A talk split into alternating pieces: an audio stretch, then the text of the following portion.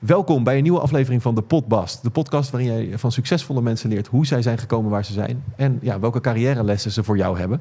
Uh, deze aflevering wordt mogelijk gemaakt door potbazen Daniel, Esme en René. Dank voor uh, jullie bijdrage aan deze uitzending. En wil je ook potbaas worden, dan kan dat. Check de link in de bio om uh, te kijken hoe en wat. En in deze aflevering ben ik bij de man die door zijn fanpagina ons voorbeeld in de maatschappij wordt genoemd.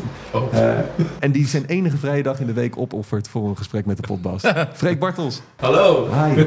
En vervent luisteraar ook.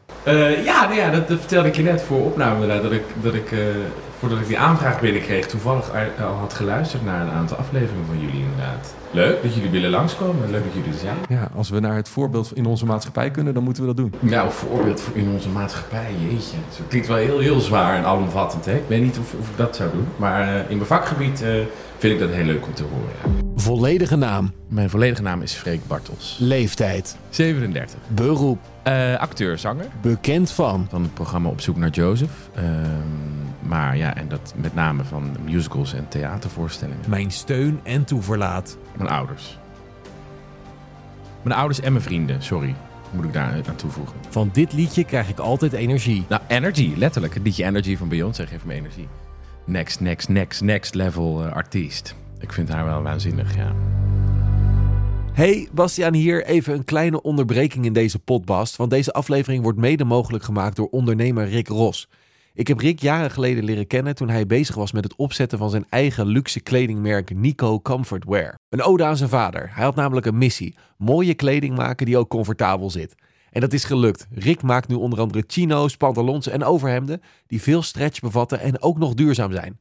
Ik loop er zelf ook al jaren in, dus Rick, dankjewel voor het mede mogelijk maken van deze aflevering. En nu snel verder met de potbast met Freek Bartels. Wat was voor jou de allereerste keer dat jij bewust aan het optreden was? Ik denk in groep 8 uh, nee, eerder nog. Ik denk op de basisschool. En dan uh, tijdens de weekafsluiting. Dan mocht je eens in zoveel tijd mocht je daar dan uh, stukjes opvoeren. dus dat, dat moet op de basisschool zijn geweest. En wat voor, wat voor stukjes waren dat? Nou, ik kan me herinneren dat ik um, het, het, nummer uh, Alane van, van Wes... dat heb ik opgetreden met een paar klasgenoten. Volgens mij hebben we dat toen ook thuis gerepeteerd. En ja, ik heb toen ook een soort outfitje gecreëerd en gemaakt. En uh, dat, ja, dan traden we daarmee op. Dus met een jongen achter de keyboards en uh, achtergronddanseressen. En ik was dan de frontman. Mocht je trouwens wat achtergrondgeluid horen hier. We zitten in het hartje van Amsterdam. midden in het centrum Amsterdam. Dus je hoort inderdaad af en toe uh, iets voorbij komen mensen. Niet dat je denkt, wordt hij op straat? Wat, ja. Zo succesvol in de woont op straat. maar hoe succesvol je bent, ik heb het geprobeerd te samen te vatten. Uh, in twee minuten is dit jouw carrière. Freek Bartels wordt op 24 oktober 1986 geboren in Tilburg. Hij groeit op als enig kind in een muzikale familie en zijn ouders nemen hem vaak mee naar de Schouwburg of het concertgebouw. De kleine Freek is keer op keer onder de indruk. Thuis speelt hij met Playmobil de voorstellingen na, want dit is wat hij ook wil. En hij gaat dus ook op piano, dans, drama en zangles. Na de basisschool gaat Freek naar de muzische afdeling van het Koning Willem II College in Tilburg.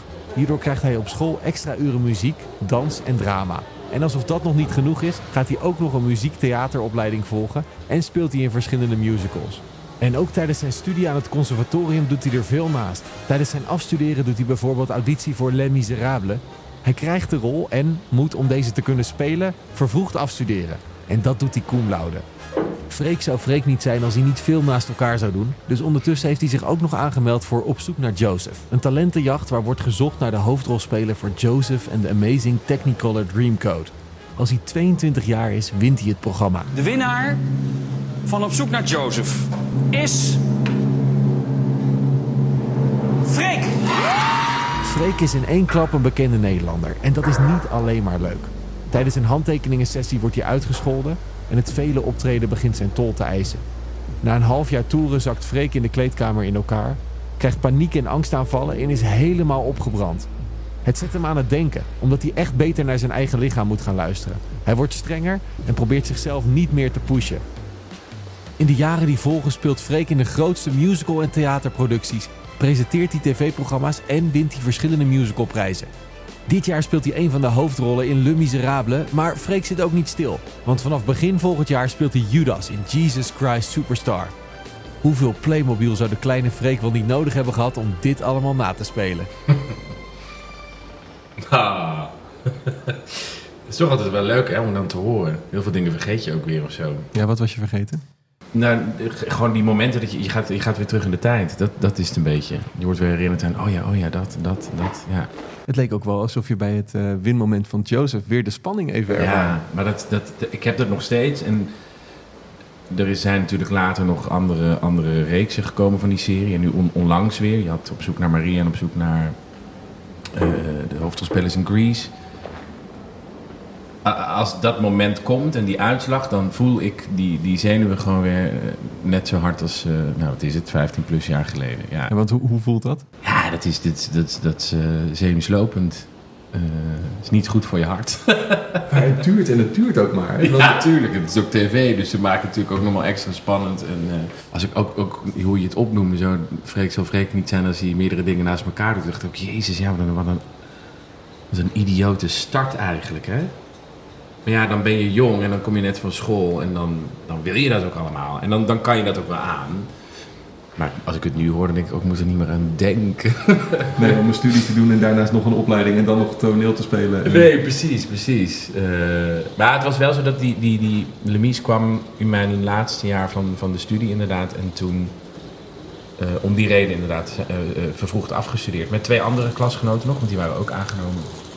Ehm, ja, wel, wel, wel eh, bezig bijtje, ja. En hoe, hoe is dat op het moment dat die telefoon gaat, dat jij aangenomen bent voor die eerste grote musicalrol? Ja, dat was, een- was een beetje onwerkelijk, want wij mochten met de klas ehm, auditeren. Dus ze hadden een uur vrijgemaakt eh, waarin wij met onze eigen pi- pianist van school langs mochten komen. En we hadden onze auditienummers natuurlijk tot in een treuren voorbereid. Dus het voelde een beetje als een soort klasuitje eigenlijk. En eh, we kwamen binnen en ja, dan, dan auditie. Maar eigenlijk helemaal, helemaal nog niet met het idee dat er dan iets uit zou rollen. Maar goed, ja, je werd steeds teruggevraagd. Dan kwam een ronde verder en een ronde verder. Neem eens mee naar dat moment die telefoon gaat. Ja, Marianne van Wijnkoop destijds. En die, die, die, die bracht het nieuws. Eh, maar goed, die had ook andere mensen te bellen. Dus het is niet dat je dan nog een uur met haar kan napraten en alles kan delen en je gevoel kan uit. Het is gewoon een zakelijk gesprek. En daarna, eh, ja, ik denk, dat, ik denk, weet ik niet meer zeker hoor, maar ik denk dat ik vooral mijn ouders meteen heb gebeld. En, eh, maar ja, je staat daarna stijf van de adrenaline. Natuurlijk altijd wat je wel vaker hoort, hè. Het is eerst intens geluk en daarna denk je, oh, nu moeten we het gaan doen of zo. Maar hoe ga je daarmee om op zo'n moment dan? Want het is natuurlijk je blijdschap, je werkt ergens naartoe, je wil iets halen. Ja, ja dat, stap voor stap. Dus het is gewoon, gewoon alles wat op je afkomt, dat, dat een beetje per moment bekijken. Ook niet te veel vooruitdenken, denk ik, op zo'n moment. En ja, ik was 1, 1, 22, dus, het, dus ja, ik stond er ook gewoon nog wel, wel helemaal... Je bent een open vat wat dat betreft. Je denkt, ja, kom maar, eh, leer het me maar, laat het me maar zien. Eh, en ik had het geluk dat eh, René van Kooten, die, had ik een voorstelling daarvoor al gespeeld. Dus die ken ik al een beetje en die, die, die heeft mij wel een beetje aan de hand genomen destijds bij, bij Lemies. Want ja, die, die zag ook wel, oh ja, die jongen komt natuurlijk net van school. ehm, dus daar heb ik wel heel veel aan gehad. Dat dat een soort vertrouwd iemand was, voelde een beetje als een soort grote broer. Die mij een beetje kon vertellen, nou zo werkt het. En, eh, dus dat was heel fijn. Maar terug naar de vraag die aan het eind eh, van het eh, voorstelfragment zat. Hoeveel Playmobil zou je nodig hebben om jouw hele carrière na te spelen? Ja, dat ligt eraan hoe theatraal en hoe groot je het uit wil werken. nou, hoe zou jij het doen? Nou ja, ik, ik, ik deed het dus vroeger met, met cd's uit de kast van mijn vader. Die zet ik dan op als soort van sfeermuziek. En dan... ik had een houten kasteel. Dat was dan niet van Playmobil, maar goed, dat gebruikte ik dan wel vaak als soort van de basis. En daar werden dan allerlei films en series die ik had gezien nagespeeld, nagebootst. En daar maakte ik dan mijn eigen versie van.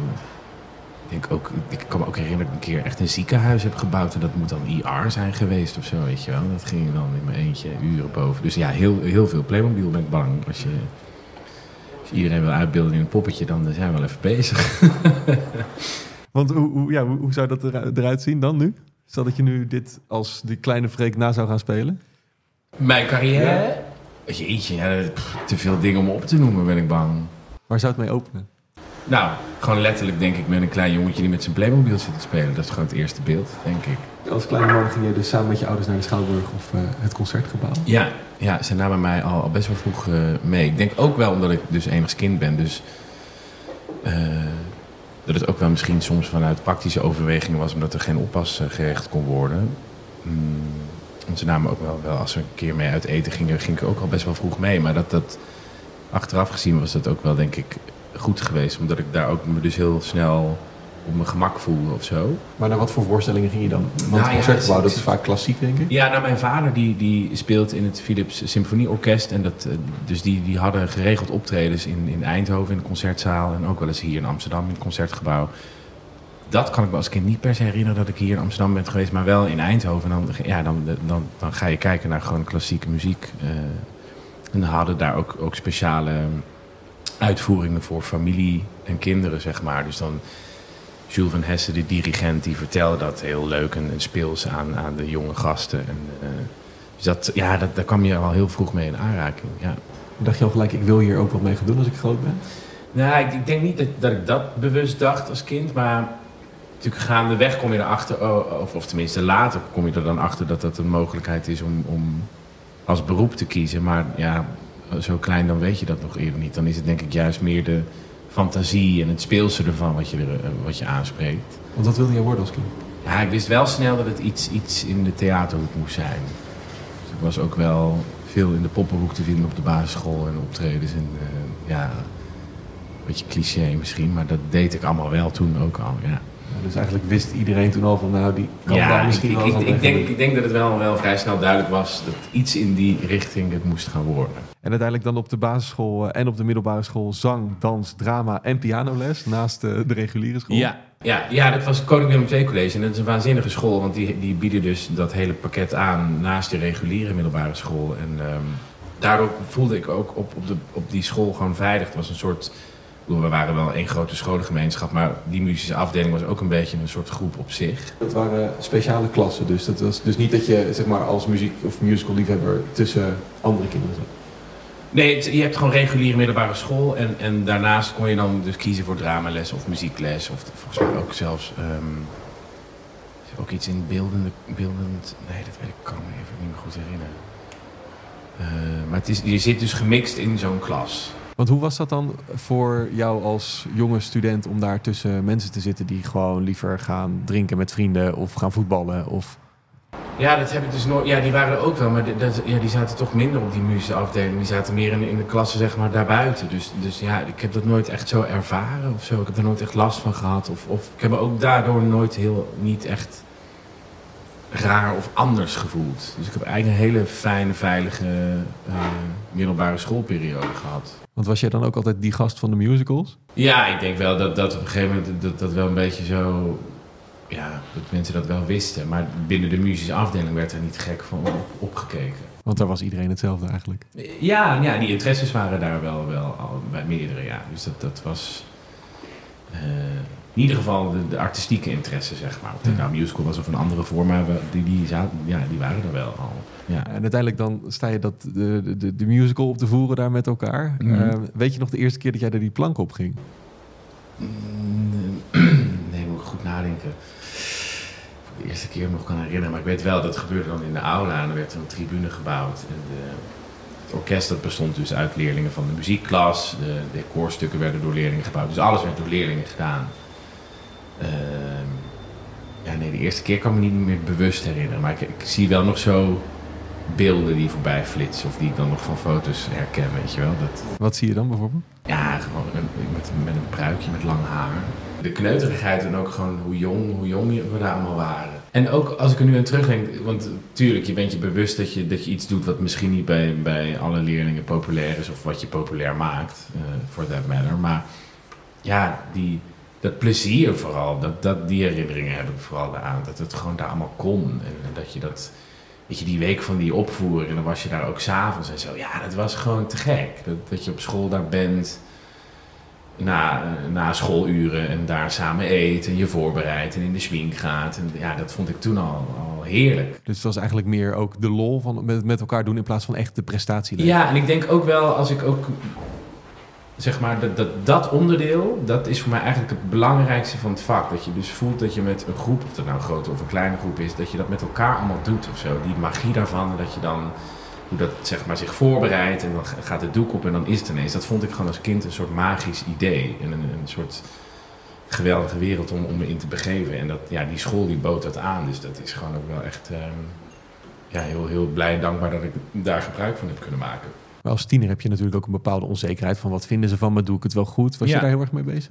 Ja, ik denk wel dat ik, dat ik misschien toen ook al wel ergens wel door had van ja, dit, is dus niet misschien de meest voor de hand liggende keuze. Ik was natuurlijk niet per se een, een, een jongensjongen als in interesse in auto's en voetbal en zo. Dat, dat had ik allemaal niet. Maar nogmaals, omdat het op die school, ja, dat kon allemaal naast elkaar bestaan daar. Dus ik heb dat nooit echt, echt als, als last ondervonden. Of dat ik dacht, oh, ik ben anders. Of nee, eigenlijk Nee. niet. Maar als je daar staat op te treden, je hebt een optreden gegeven, eh, ben je dan heel erg bezig met wat, zou ik hebben, wat vonden ze ervan? Vonden de mensen het leuk? Of was het vooral daar het staan en het spelen? Ja, vooral dat. Tuurlijk ben je er na afloop wel mee bezig, maar ja, het is gewoon vooral het plezier eh, wat je daar met elkaar had. En ook wel trots om dat te laten zien eh, aan, aan ouders. En, en bedoel, de meeste mensen die daar komen kijken, die, die supporten je. En er was wel altijd één voorstelling, bedenk ik me nu, waar dan de school kwam kijken. Dat vond ik dan vaak de minst leuk, want dan had je ook natuurlijk de, de, de klasgenoten of andere, andere leerlingen die, ja, die daar echt niet voor hun plezier zaten. Dat soms ook wel eh, hardop lieten, lieten weten. Maar goed, dat deed je dan. Dat, dat, was, ja, dat hoorde er een beetje erbij. Ja, hoe, liet ze dat weten? Door gewoon te roepen? Of? Ja, dat, kan- kan- ja, ik kan me wel heugen dat er inderdaad dan wel eens wat geroepen werd. Of dat je dan later in die week op school dat er wel eens iets gezegd werd tegen je of zo. Maar nooit, nooit dusdanig dat ik daar eh, heel veel eh, eh, last van had. Nee, want die meningen die begonnen uiteindelijk pas te tellen tijdens de audities, waar we het net ook al kort even over hadden. Ja, Eh, dan moet je ineens voor een, nou ja, jury gaan staan, denk ik. ja, Voor een groep mensen die gaan kijken of jij geschikt bent voor de rol. ja. Hoe speelt dat dan mee? Dat je bezig bent met wat men van je vindt. Aan de andere kant moet je ook presteren. Ja, dat is iets wat jammerlijk genoeg, zeg maar, naarmate je ouder wordt, toeneemt. En dat ik daar merk dat ik daar meer mee bezig ben dan vroeger. Ehm, eigenlijk is audities, je moet het zo zien. Je komt natuurlijk om daar aan hun te laten zien wat je kan, maar andersom zijn zij ook op zoek naar iemand. Dus het is, het is altijd met de intentie om, om, om de geschikte te vinden, zeg maar. Ehm, het is natuurlijk een hele kwetsbare positie, zeker voor een tafel als er soms wel eens meer dan tien mensen zitten. En Dan, eh, alleen ja, je moet gewoon eigenlijk proberen in je kracht te staan en zelf te bedenken, nou ja, dit, dit is iets wat ik zou kunnen. En ehm, ja, toch een bepaalde bluff ook daarin of zo, denk ik. Ik denk dat ik dat vroeger ook gewoon wel... Ja, je moet toch ook wel een beetje denken van, nou mensen, hier ben ik. Mij wil je hebben. Is dat ook waarom het moeilijker wordt dan op een gegeven moment? Omdat Ja, je dan weet hoe, Je weet precies dat. Je, weet, je hebt bepaalde verwachtingen, hebben mensen van je. En je weet hoe het werkt. Dus ik, ik vind, dat merk ik wel echt, dat dat, dat, dat minder... Ik ga daar met minder bravoer naar binnen dan eh 15 jaar geleden, ja. Maar ook omdat je bang bent dat ze dan denken, daar komt die diva. Ja, of dat je... Nou, niet, niet eens dat. Want ik denk dat mensen die mij wel kennen... dat dat niet zozeer aan me gelinkt is. Maar gewoon toch een beetje de angst van... Oh ja, dan val ik nu ineens enorm door de mand. weet je, dat gevoel, ja. Maar wat is dat zeg maar met succesvolle mensen die dat allemaal dat gevoel hebben? Want veel mensen die ik in podcast heb gesproken, die, Die zijn hebben allemaal het. bang Ja, dat er op een gegeven moment een dag komt dat mensen erachter komen. Hij kan het toch niet. Nou, ik denk, want ik heb er wel eens over nagedacht. Ik denk ook omdat het. Het is natuurlijk ook iets wat, waar je dan gelukkig. Je, eh, je komt achter dat je ergens goed in bent. En ik wil niet zeggen dat het een soort van zelfsprekendheid is, want je moet er ook wel hard voor werken, maar ergens ook weer wel. Dus het is ook soms misschien de link dat je iets doet wat voor jou natuurlijk voelt en andere mensen eh, een prestatie vinden. Die is soms lastig te leggen, denk ik. En dat je daardoor een bepaalde nuchterheid naar jezelf kijkt en denkt: ja, maar ja, dit is gewoon wat ik doe. En jij bakt een brood en jij eh, zit, eh, geeft les op een basisschool. Weet je, dus, dus daarin, ehm, en zeker in, in het entertainmentvak, is het natuurlijk nog een bepaald gehalte van: oh, je krijgt letterlijk die, die, die erkenning iedere avond. Of, of weet ik veel, door middel van een prijs of nee, noem maar op. Terwijl het is ook gewoon ons beroep of zo. Dus ik denk ook dat dat misschien maakt dat je soms denkt: ja. eh, Vinden, vinden mensen nog wel echt bijzonder of goed? Of, of dat je, ik weet niet, snap je wat ik bedoel? Misschien vaag, vaag antwoord, Groot, maar... grotendeels, denk ik. Ja, dus, dus, dus, dus, dus, dus de, hoe ga ik dat nou uitleggen? Ja, want als je weet wat je kan, dan ben je toch niet bang dat je door de mand valt? Nee, dat is ook wel weer waar, dus dat spreekt elkaar natuurlijk weer tegen, maar... Ja, misschien een bepaalde bescheidenheid die je ook wel, wel omdat je zo in het zicht dingen doet of zo. Ik, ik, ik, ehm, ja, het is dus wel grappig dat meerdere mensen dat hebben. Is het ook misschien omdat het niet heel tastbaar is wat je doet? Ja, misschien dat ook. En dat je natuurlijk altijd voor jezelf. ehm, de, de, de- je, je werkt altijd op een soort projectbasis. Dus je moet natuurlijk altijd weer van het een naar het ander. Dus je, je wordt eigenlijk continu beoordeeld. Terwijl in, in andere vakgebieden is misschien die toekomst zekerder. Of weet je, nou ja, als ik hier bij dat bedrijf die promotie maak... dan voor de komende vijf jaar bij wijze van zit ik wel goed. Dan heb je eens in de maand een gesprek met je manager en dat is het. Precies. eh, en in, in ons vak zijn die, zijn die voorwaarden en ja, is dat toch allemaal wel wat anders of zo. Dus dat maakt ook misschien dat je de hele tijd een beetje voelt van ja, ik, ik heb het wel, maar kan ik het behouden, zeg maar. Ben je er wel eens bang voor dat het weggaat? Ja, nou niet, ik ben inmiddels niet bang dat het, dat het weggaat. Ik denk wel dat ik, dat ik nu wel heb kunnen laten zien dat, dat, nou ja, dat ik, in die zin dat ik me niet heel erg zorgen maak om werk. Maar je komt later in je, in je carrière op een, een, een, punt waarvan je ook voor jezelf de uitdaging wel wil blijven eh, pakken. Dus dan moet je ook gewoon risico's proberen te nemen. En jezelf misschien in, uit een comfortzone halen en iets anders proberen of zo. Ja, dat, dat is dan op dat moment weer de nieuwe spanning van... oh, ga, gaat me dat lukken, weet je wel. Dus Wat is, eigenlijk... wat is de laatste spanning waar je dat hebt gehad? De laatste situatie? Ehm, nou, dat, dat was bij de audities voor eh G-Square Superstar. Ik wilde heel graag auditie doen. Eh, met name omdat Ivo van Hoven het gaat regisseren. En ehm, ja, dan, dan, dan... Ik voelde aan alles. Ik dacht, oh, ik wil, al, ben ik een, al ben ik een boom linksachter. Ik wil in deze productie. Ik wil in deze productie. Eh, en ja, dat, toen voelde ik me wel op die stip weer heel erg klein en kwetsbaar. Ja. Wat neem eens mee naar dat moment? Je gaat daar naar binnen en... ja, dan, dan ga je zingen. En ehm, dat was het eigenlijk. Dus er werd ook niet echt met me gewerkt. En ze waren heel vriendelijk hoor. Maar dat voelde wel weer echt als een auditie, auditie zeg maar.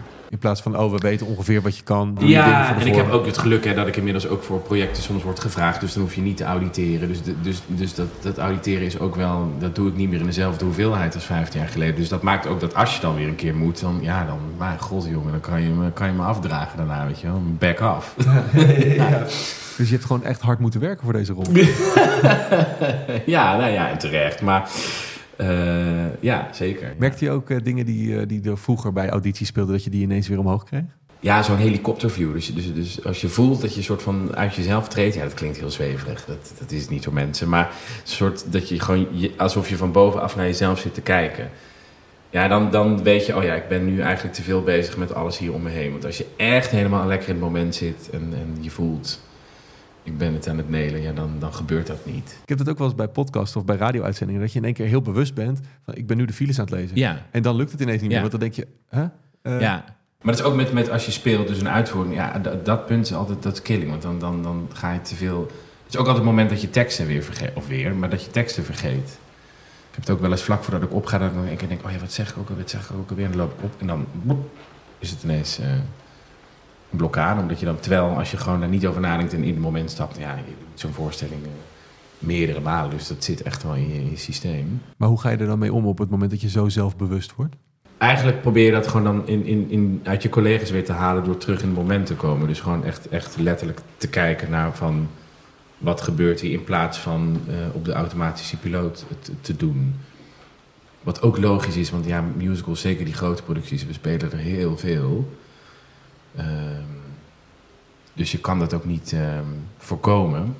Maar dan, ja, dan is het dus eigenlijk de kunst om, om op dat moment heel erg weer juist op de vloer daar te zijn. Dus eigenlijk heel erg de, de ruimte zeg maar, te verkleinen bij wijze van. Ja, door niet meer na te denken, oké, ik sta hier nu, ik, ik moet zo wat gaan zeggen, maar te denken, oké, wat zegt diegene, wat moet ik ook weer Ja, want je kan jezelf ook echt helemaal gek maken als je daar te ver in gaat. Ja. Lastig hè, is dat denken tijdens dingen Dat is vreselijk. Ja, ja, dat hoofd, dat brein is echt wat dat betreft... dat, dat kan soms eh, wendingen nemen dat je denkt, hou eens op. Ja. ja. Wat heb je toen best wel last van gehad, ook na de winst van Joseph? ja, Dat, eh, op een gegeven moment dat eh, je lijf zei van, die gaan we even niet meer doen. dat klopt wel heel dramatisch in dat intro met dat muziekje. ik dacht, ik maak een beetje theater van, Ja, ik hou ervan toch? Ja. Nee, nou, het, was, het was wel ook wel. Nee, ik, ik bedoel, ik kan niet ontkennen dat het ook wel een zware periode was eh, geweest. Ja. Het heeft natuurlijk heel veel gebracht, maar er zat ook wel een keerzijde aan. Omdat, ja, wat je ook zei, ik was in één klap een, een bekende Nederlander. En eh, mensen die je op tv zien. En ook doordat je natuurlijk een soort. eh, ze konden stemmen, dus ze voelden ook alsof jij een soort, ja, ik wil niet zeggen bezit, maar wel mede door hun dat je daar dan bent gekomen. En er werden handtekeningen uitgedeeld na elke voorstelling. ja, dat, dat zijn best wel veel indrukken. Naast een heel druk schema wat je hebt gehad. En daarvoor waren die tv-shows. En ik speelde ook nog in Lemies. Dus het was... Het klinkt als een gemiddelde week voor jou, toch? Ja, nou, als ik dit nu opnoem, denk ik dat... maar er liepen dus heel veel dingen door elkaar. En, ehm, ja, dat, dat, en je voelt, boven alles voel je de verantwoordelijkheid om, om, om die job gewoon heel goed uit te voeren. Want ja, je hebt je, hebt, je, hebt je ervoor opgegeven, je wil het doen, je wil het ook heel graag doen. Uh, en dan wordt het toch op een gegeven moment wel een beetje een gevecht met je, met je lichaam versus je brein. Want je brein denkt, ja, kom op. Uh, maar mijn lijf zei op een gegeven moment wel van, ja, nu is het wel heel even klaar. Nu moet je heel even iets rustig aan doen. Op dat moment, ik herken dat wel heel erg, dat, je, dat jij toen tegen jezelf zei, las ik in een interview in ieder geval, je wilde toch zo graag, verman je man. Ja, je, ja. Kan, je hebt het programma gewonnen, nu moet je. Ja, ja. Dus eigenlijk ben je veel te streng voor jezelf. Dan. Ja, en nog steeds soms wel hoor. Dat is wel iets wat ook gewoon een beetje, denk ik, in mijn karakter zit. En misschien ook wel deels een beetje de mentaliteit is, uh, ook zeker in het musical genre, van ja, je gooit een bruistablet en twee paracetamol erin en je speelt die laatste van de week gewoon, weet je wel. Dat is toch, ja, ik weet niet. En het is ook niet e-, echt niet altijd goed. Dus ook, het is niet dat ik dit per se... Um, een tip voor jonge carrièremakers. voor jonge carrièremakers van, oh, heb je griep? Ja, gaat. maar ja, soms, soms is dat gewoon wel uh, wat je doet. En uh, ja, het is ook niet erg hoor, want ik denk dat het ook soms wel eens goed is om, om daar in jezelf misschien je grens een beetje te verleggen, want dan weet je ook waar die grens ligt. Um, ja, dit was natuurlijk zo'n, zo'n, zoveel indrukken en, en zeker het medium tv, ja, daar was ik ook helemaal niet bekend mee. En ik kwam net van school, dus het was gewoon, als ik nu terug, terugdenk, ook logischerwijs gewoon allemaal net even iets te veel. Dus het is ook niet gek dat dat gebeurt. Hoe ga je er dan op zo'n moment mee om als je dus enerzijds jezelf enorm aan het pushen bent. Je lichaam wil niet meer. Je had ook in een interview gezegd van je was eigenlijk aan het aftellen tot je weer naar huis mocht. Ja, ja ik was, was wel op een gegeven moment echt de scènes een beetje aan het afvinken. Zo van, oh ja, dan hebben we deze gehad. Ja, ja dat is natuurlijk een, een enorme uh, alarmbel. Als het plezier afneemt, ja, dan gaat er iets niet goed. Uh, maar ja, het is, het, is, het is gewoon... En dat, dat is ook lastig aan, denk ik, een musical vak. Um, dat vind ik ook wel de, eigenlijk een, een, nadelige kant eraan. Is dat de, het is een commercieel product en een commercieel verdienmodel. Het is geen gesubsidieerd theater. Als je kijkt naar uh, opera's, ja, die worden misschien twee keer in een maand opgevoerd. Uh, en ik zeg niet dat we op, op nou ja, bij Lemies misschien wel iets meer vocaal die, die neiging of die kant op gaan. Maar we, combineren natuurlijk drie disciplines bij elkaar. En doen dat soms acht keer in een week. Ja, het, is, kijk, toen ik jong was kon ik dat ook met twee vingers in mijn neus. Maar nu, nu denk ik ook steeds, maar hoe houden we dit vol? Maar ja, het is, het is wel um, het schema. En hoe hou je dat vol zonder jezelf voorbij te lopen? Nou, dan moet je soms echt wel heel erg als een soort non uh, leven. Ja. Gewoon, ja, het klinkt allemaal heel saai, maar ja, gewoon goed, goed, goed slapen, goed eten. En, uh... Maar ja, dat is ook een verschil in hoe je daarin staat. Als je dus net van school komt en jong bent, dan, dan, dan heb je die ambitie. En dan is die, weet je, dan heb je eindelijk die plek die je zo graag wilde. Dus dan, dan, dan trek je dat ook beter. En een jong lijf kan het ook gewoon wel echt aan. Maar en naarmate je ouder wordt, voel je ook wel, ja, dat, dit, dit, is, dit, dit is wel pittig. Ja. Ik moet er zo aan denken aan wat Willemijn Verkijk toen in de potbas zei ook. Dat, hij zei, dat, zij, dat ze zei dat ze wel eens de vraag kreeg... wat doe je nou eigenlijk de rest van de dag? Ja, die heb ik ook wel eens een keer gehad. Uh, ja, ja, nou ja. Slapen, eten koken en, en niet zoveel. Hooguit een koffietje drinken met, met vrienden. En uh, ja, goed voor jezelf zorgen. Ja, het is wel echt topsport. En dat wordt soms misschien niet gezien. Dat is ook niet erg. Ik bedoel, het is niet dat ik vind dat mensen dat de hele tijd maar moeten beseffen. Want je, kijk, onze baan is van 8 tot 11 gaan wij, leveren wij gewoon een waanzinnige voorstelling. Ja, maar er horen wel, er zit wel iets aan vooraf en ook iets achteraf. Ja, dat, dat hoort er zeker bij. Maar hoe is dan het moment als je het in, ineens niet meer leuk vindt? Dat je, je wil graag, het is je droom, het is de plek waar je wil komen. En ik denk dat dat ook wel herkenbaar is voor veel luisteraars. Van, ja. Je hebt een doel, je wil op een gegeven moment op een bepaalde positie komen. En dan zit je daar en dan is het eigenlijk helemaal niet zo leuk. Ik weet bij mezelf precies het punt dat ik denk, oh ja, nu, nu zit ik er eigenlijk te lang in. Uh, maar ja, dat heb je ook met te slikken, want je hebt, je hebt een contract getekend en dat is gewoon de baan die je aangaat. Dus dat, en dat is bij iedere baan natuurlijk, heb je fases waarin je je werk misschien iets minder leuk vindt. Dus het is ook niet omdat het misschien op het oog allemaal glitz en glamour en vrolijk en leuk is. Dat, ja, dat is, je hebt ook wel eens dagen dat je er geen zin in hebt. En hoe verman je je dan op zo'n moment? Uh, nou ja, die, die, die privé, die persoonlijke omstandigheden, ja, die laat je achterwege. Die ga je niet laten zien aan de mensen die, die een kaartje betaalt natuurlijk. Dus ja, dat is gewoon je professionele instelling. En dat ze daar komen voor uh, Lemies en dat jij zegt, ja, mijn kat is overleden en vreselijk. En... Jongens, ik heb er even geen zin in vandaag. Ik doe het rustig aan. Ik doe niet mee vandaag. Ja.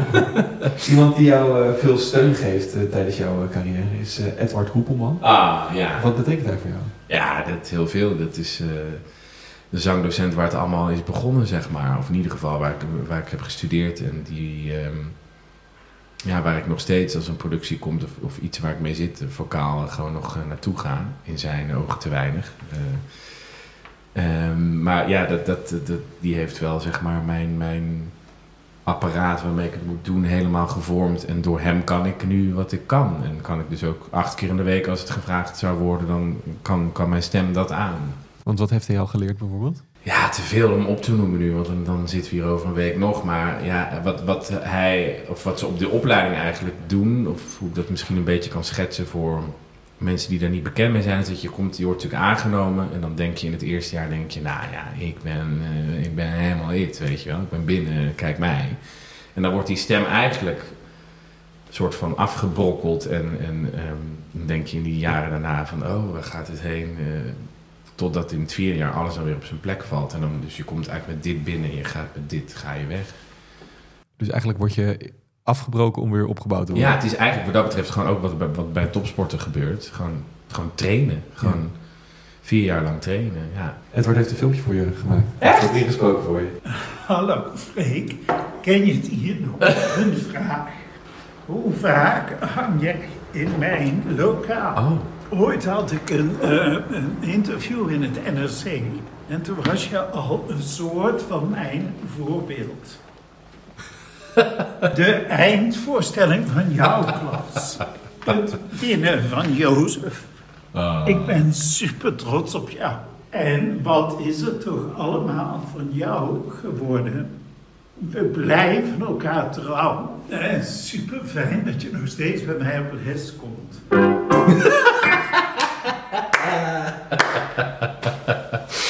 Ach, zo lief, zo lief. En al die, die vergeelde krantenartikelen die daar ook hangen. Ja, dat lokaal is, dat is 409 op het conservatorium. En dat is, ja, dat, dat is zeg maar bij iedereen die daar gestudeerd heeft. En dat zijn heel veel mensen in het vak.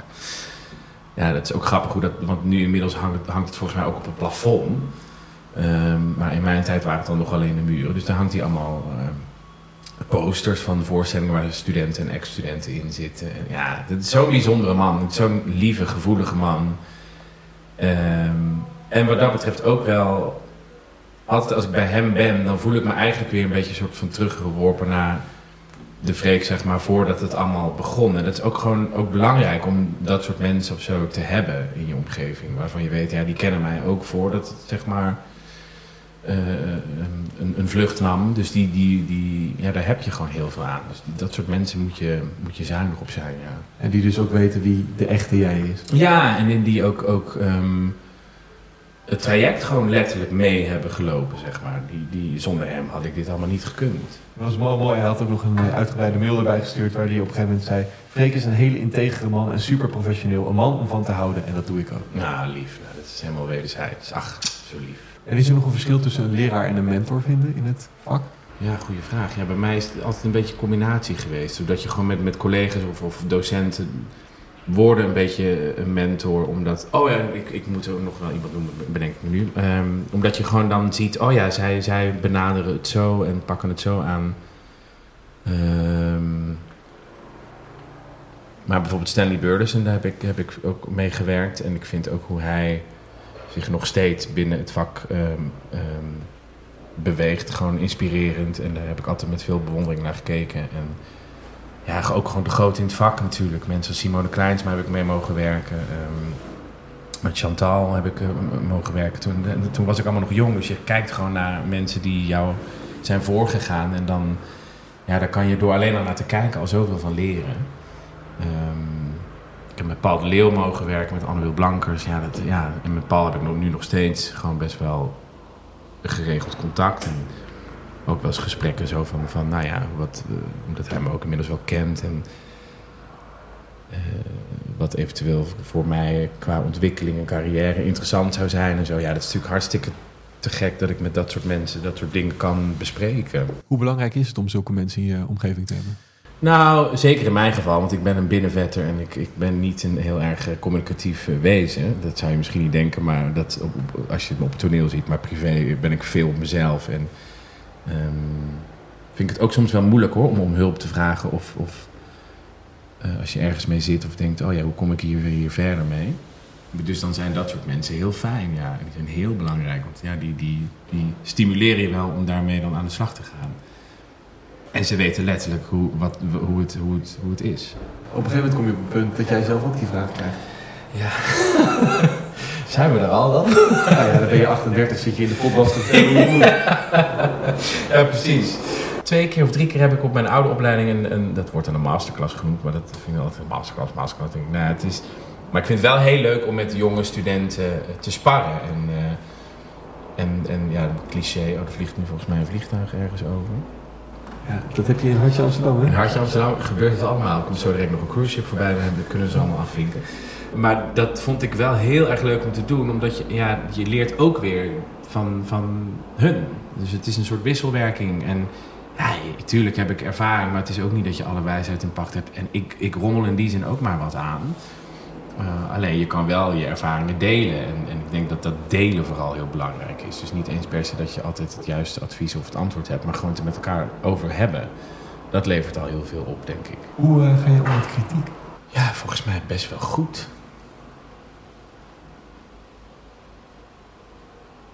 Ja, ja.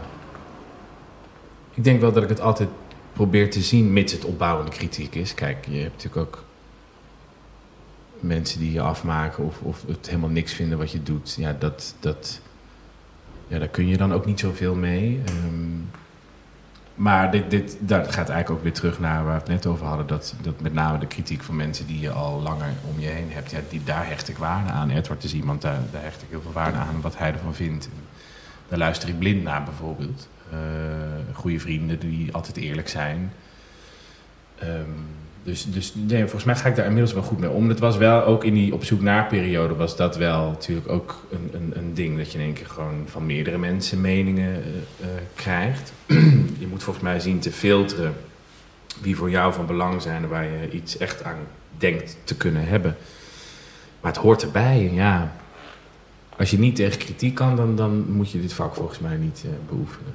Moet ik ook zeggen dat ik ook wel ik wil niet zeggen kritiekloos eh, door het leven ben gefladderd, maar er waren nooit hele heftige. Ik, ik het- ja, was ook, ben ook wel een beetje een zondagskind in die zin dat het allemaal wel redelijk voor de wind eh, ging, zeg maar. Dus dingen gingen vaak wel goed. Ehm, maar daarin is Paul de Leeuw bijvoorbeeld iemand die, die tijdens die op zoek naar reeks ook, die zei, hij zat daar in de jury van het programma en die, die was ook wel degene die zei, ja, je, je, je voert het allemaal goed uit, maar je moet ook voor jezelf zoeken naar een laag dieper en wat zit daaronder en zo. En, en, ehm, dus dus nou, ja, dat is bijvoorbeeld iemand die dat dan heel goed ziet. En als dat tegen je gezegd wordt, wat, wat gebeurt er dan? Nou, ik weet wel dat ik toen wel, wel eh, nou niet schrok, maar wel dacht, oh, dit is wel, dit moet ik wel, hier moet ik wel iets mee doen, want als hij dat zegt en ehm, dus ja, je, gaat dan een beetje zoeken naar eh, eh, ja, een beetje uit die comfortzone treden. Dat, ik denk dat dat, dat dat het oplevert of zo. Maar het, het is niet dat kritiek, dat, dat ja. Kijk, van zo iemand neem je dat dan aan. Ik denk dat je dat een beetje voor jezelf moet zien te, te filteren van wie, wie neem je het wel aan en bij wie denk je, nou, die laat ik gaan. Ja. Ja. Want in eh, jouw vak heb je ook veel te maken met recensies. Ja. Eh, na je eerste, na een optreden, ehm, lees jij recensies. Ja. ja. En hoe gaat het dan na een optreden de, de ochtend daarna toch even de kranten Ja, ja, ja, je wil het toch. Ja, je wilt toch weten wat ze over je schrijven of wat ze over de voorstelling schrijven. En nou heb ik nooit echt een, vernietigende recensie gehad, gelukkig. Het lijkt me ook wel. Ja, het is, het is moeilijk hoor. En het is ook heel dubbel, want. En hypocriet, want ik, ik deel ze als, ze als ze goed zijn. En als ze niet goed zijn, dan vind je de recensenten in één keer een soort van een onbelangrijk beroep. Dus het, ja, het is natuurlijk ook gewoon. Dat is natuurlijk gewoon hartstikke hypocriet.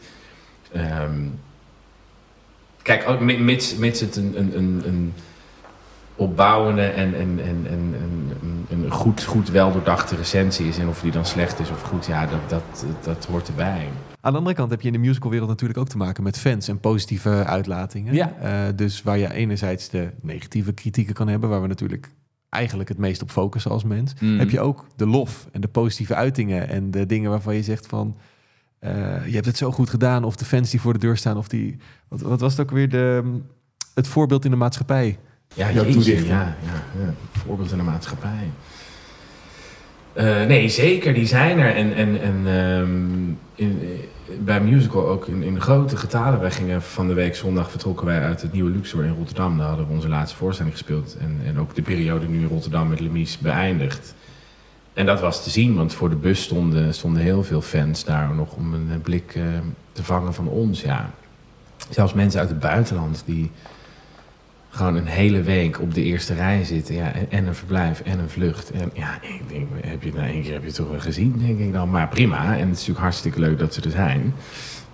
Eh, maar het is ook wel, wel eh, ja, het is echt wel zo'n diehard fan gehalte heeft het ook wel.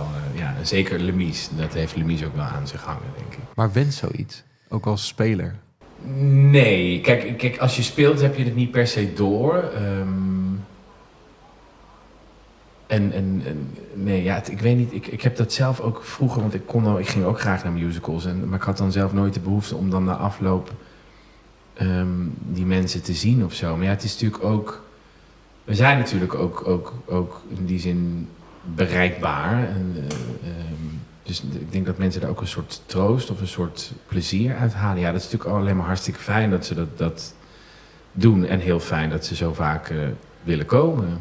Maar de positieve uitingen, behandel je die hetzelfde, hetzelfde als de, eh, de kritiek? Dus vooral kijken van de mensen die dichtbij je staan. Als zij positief zijn, dan is het goed. Of komt positiviteit van iedereen wel binnen? Nee, die komt in principe wel van iedereen binnen, maar die geloof, geloof ik wel het meeste van mensen die, ik- die ik gewoon echt ken en zo. Ja, dat, dat is wel een beetje mijn, mijn manier om, om te meten of iets gewerkt heeft of, of niet. Eh, mensen die 80 keer Lemies hebben gezien, ja, dan, dan die vinden het gewoon prachtig. Dus dan, dan twijfel ik er ook niet aan dat ze onze versie. eh, ja, alhoewel, nu ik dit zeg, misschien zijn die dan juist ex- extra kritisch. Omdat ze het al zo vaak hebben gezien. En ook op meerdere plekken in de wereld. Ja, na afloop zijn, het, zijn mensen vaak gewoon positief en willen je, willen je gewoon bedanken voor een mooie avond. Dus dat is een hele andere setting en sfeer dan mijn eigen, eigen kenniskring en vrienden. Ja, Eh, die, de eerste handtekeningssessie die je deed, dat was een beetje een, eh, een ramp. ja dat was Maar, een eh, testmoment. Ja. Ja, ja, dat zat ook redelijk theatraal erin. Maar daar, daar op een gegeven moment moesten jullie weg, want het was heel druk. Er kwamen veel mensen van, die je hadden gezien op tv. Die Ja. wilden allemaal een handtekening hebben van je. Op een gegeven moment moesten jullie weg. Je werd door een vader uitgescholden voor arrogant. Ja. Zit zoiets nog steeds in je hoofd? Ja, die, die- dat moment kan ik me nog wel heel goed herinneren. Ik, volgens mij, waar, waar was het nou toch? Halve aan de Rijn. Ja, dat is ook geen gezellige plek om te zijn. ik kom uit Bodegraven oorspronkelijk, dus daaruit. Eh, ja, en dus er ging altijd een begeleider mee. En ik moest op een gegeven moment ook gewoon stoppen. Want ja, ik, de, ik moest in de bus. En mijn collega's zaten vaak al lang in de bus. En die waren ook op mij aan het wachten. Dus die druk voelde ik natuurlijk ook. Eh, en dit was een vader met, met een dochter, als ik me niet vergis. Ja, ik denk dat ze een jaar of acht, tien moet zijn geweest. En eh, ja, die maakte daar wel even een flinke opmerking over. En die kwam wel binnen, ja. Ook omdat, ja, dan, dan, dan je doet al heel, je, je hebt net een voorstelling gespeeld en je bent daar al, om die mensen zeg maar te woord te staan. En ik dacht van, hé, maar je hebt je dochter in je handen en je, en scheldt me nu uit. Eh, en ik snap het ergens ook wel. Ik, ik zou misschien zelf, nou ik weet niet of ik zou schelden, maar ik zou ook wel van balen als je denkt, nou ja, ik ben niet met mijn dochter, ik sta hier al eh, een kwartier in de rij en nou ga je er vandoor. Ja, dat, ik, ik dacht ook, ja, wat kan ik hier nou aan doen? Ik kan hier niks aan doen. En ik vond het heel, heel vervelend, heel naar gevoel. Ik weet wat ik die busrit terug dacht van, poeh, hiervoor heb ik niet getekend. Dit is niet per se wat ik, eh, eh, waar ik op zit te wachten, zeg maar. Wat heb je daarvan meegenomen van toen? Want eh, heb je iets veranderd sindsdien? Of? Nou ja, daar kwam ik dus later achter dat ik, dat ik, dat ik onbewust had ik wel een soort, soort manier bedacht om, om, om dus ja, die mensen allemaal wel te woord te staan. Maar je moet ergens ook een beetje een soort afstand behouden. En, ehm, maar ja, dan, dat, dat kun je wel bedenken, maar, maar uiteindelijk heeft het me ook wel een beetje fysiek eh, genekt. Omdat ik gewoon voelde dat mijn adem hoog zat. En dat ik gewoon spanning had in mijn lijf. Omdat je natuurlijk de hele tijd, eh, eh, ja, eh, die, die indrukken op je afkrijgt. En, En je wilt het goed doen natuurlijk. Precies, je wil, je wil het goed doen en je wil die mensen ook allemaal, allemaal te woord staan. Ja, ik was ook 22 en kwam net kijken, weet je wel. Ja. Die combinatie was misschien niet eh, altijd even ideaal. Ik zei het aan het begin al, deze podcast wordt mogelijk gemaakt eh, door de potbazen, onder andere Daniel, Esmee en René deze aflevering. Eh, door hun donatie via petjeaf.com slash potbas kan ik deze podcast blijven maken.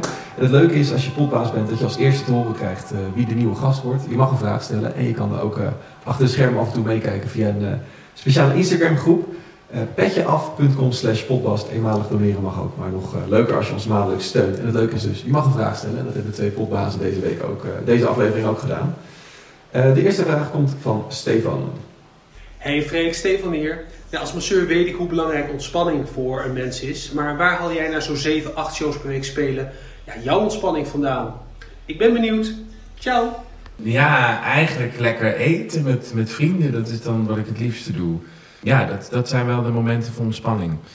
Eh, vrienden zien, samen zijn, eten, eh, een drankje drinken. Eh, sporten, dat, dat, dat, ja, dat voelt ook wel als een soort van... Ja, je, je spant je wel in, maar ook wel even je hoofd leeg te maken. Dat, dat probeer ik ook wel te doen. Ehm, ja, da- daarin vind ik mijn ontspanning eigenlijk wel. Dus vooral niet met werk bezig zijn. Nee, nee, vooral niet met werk bezig zijn inderdaad. Ja. Kun je nog ontspannen naar een theater toe eigenlijk? Of is het toch altijd dat je daar binnenkomt en denkt... "Ja, Ja, nee, jawel. Nee, dat vind ik heerlijk. Ik, oh lekker, ik hoef het niet te doen. dat gevoel, ja. En dan, en dan zitten en dan eh, vermaakt worden. Nee, dat, dat lukt me gelukkig nog wel. Al moet ik wel zeggen dat dat... Omdat je natuurlijk inmiddels ook wel veel mensen kent. Als je naar collega's gaat kijken, voel ik altijd toch ook wel een soort van spanning voor hun. Omdat je hoopt dat het goed gaat of zo. Dus op dat soort momenten ben je dan misschien toch nog wat meer met je vak bezig.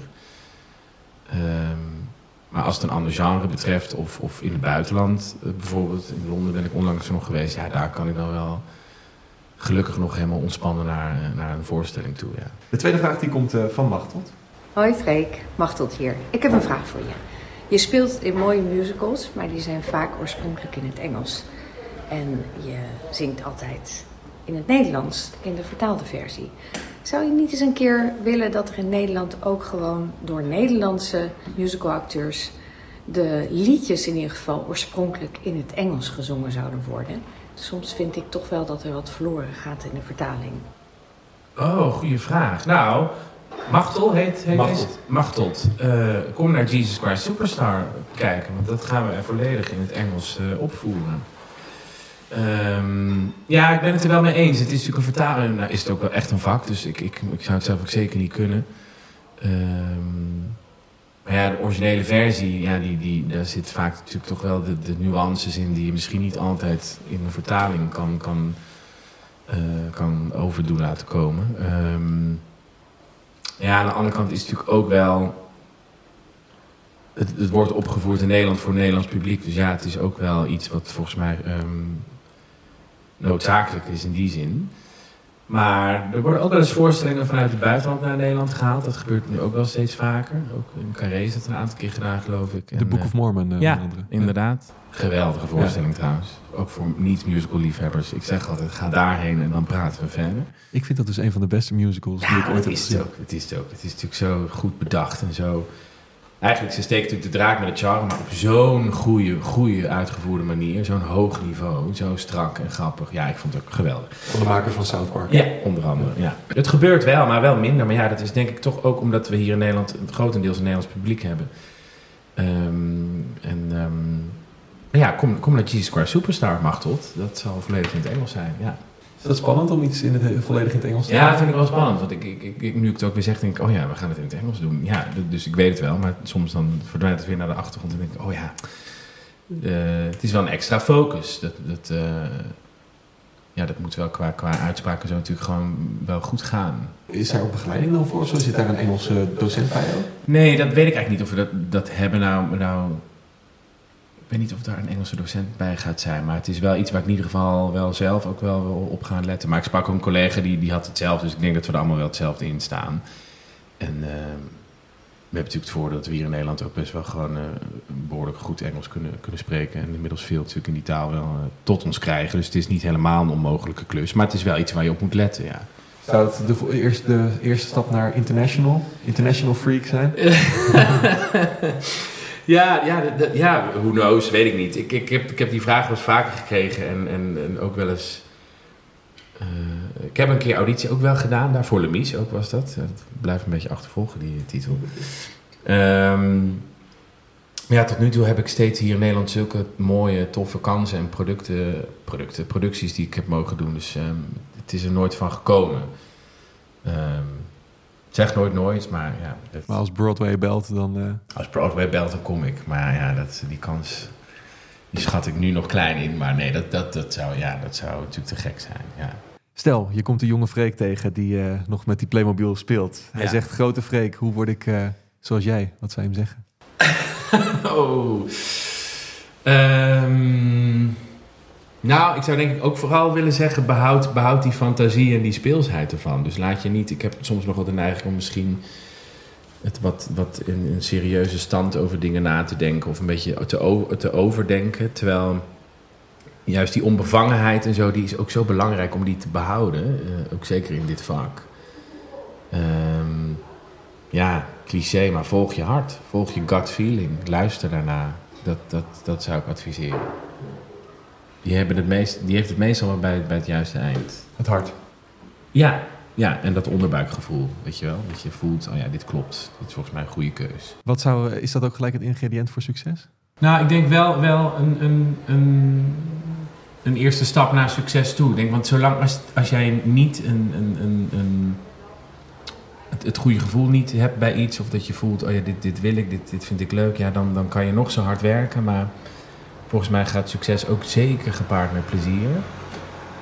Sowieso om het lang vol te houden. Ik denk dat dat, dat heel belangrijk is. Dus, dus ja, ik denk wel dat dat onderbuikgevoel is wel, wel echt een belangrijke raadgever. Ja. Uiteindelijk kan het doek naar beneden in de Playmobil voorstelling Precies. van het voorbeeld in de maatschappij. dat wordt dan de titel van de voorstelling. Voorbeeld in de maatschappij. En dat het dan helemaal niet zo blijkt te zijn. Dat het allemaal één grote farce is. Ja. Hoe zou, het, eh, hoe zou de laatste scène eruit zien van die... eh, want we hebben de openingsscène natuurlijk, hè, waar jij dan als Playmobil... ja, misschien dat er dan een levensgrote Playmobil pop opkomt. En die de hele boel eh, van zijn grondvesten doet schudden. Ook jezelf niet te serieus nemen is ook belangrijk. Dat is ook wel, ook wel een goede tip. In de zin, want zeker vandaag de dag... Er zijn natuurlijk meerdere platforms om, om, om jezelf op een bepaalde manier te presenteren. Maar ik denk in die end is humor en een beetje zelfspot. En het onderbuikgevoel. Nou, die, die drie ingrediënten, dan hou je het volgens mij lang vol. Kijk, dankjewel. Graag gedaan. En jij bedankt voor het luisteren. In de volgende aflevering spreek ik met Chantal Jansen. Druk op volgen om dat niet te missen. En als luisteraar van Podbast krijg je 10% korting op Nico Comfortwear. Je vindt de kortingscode in de beschrijving. En Rick Ros, nogmaals dank voor je steun.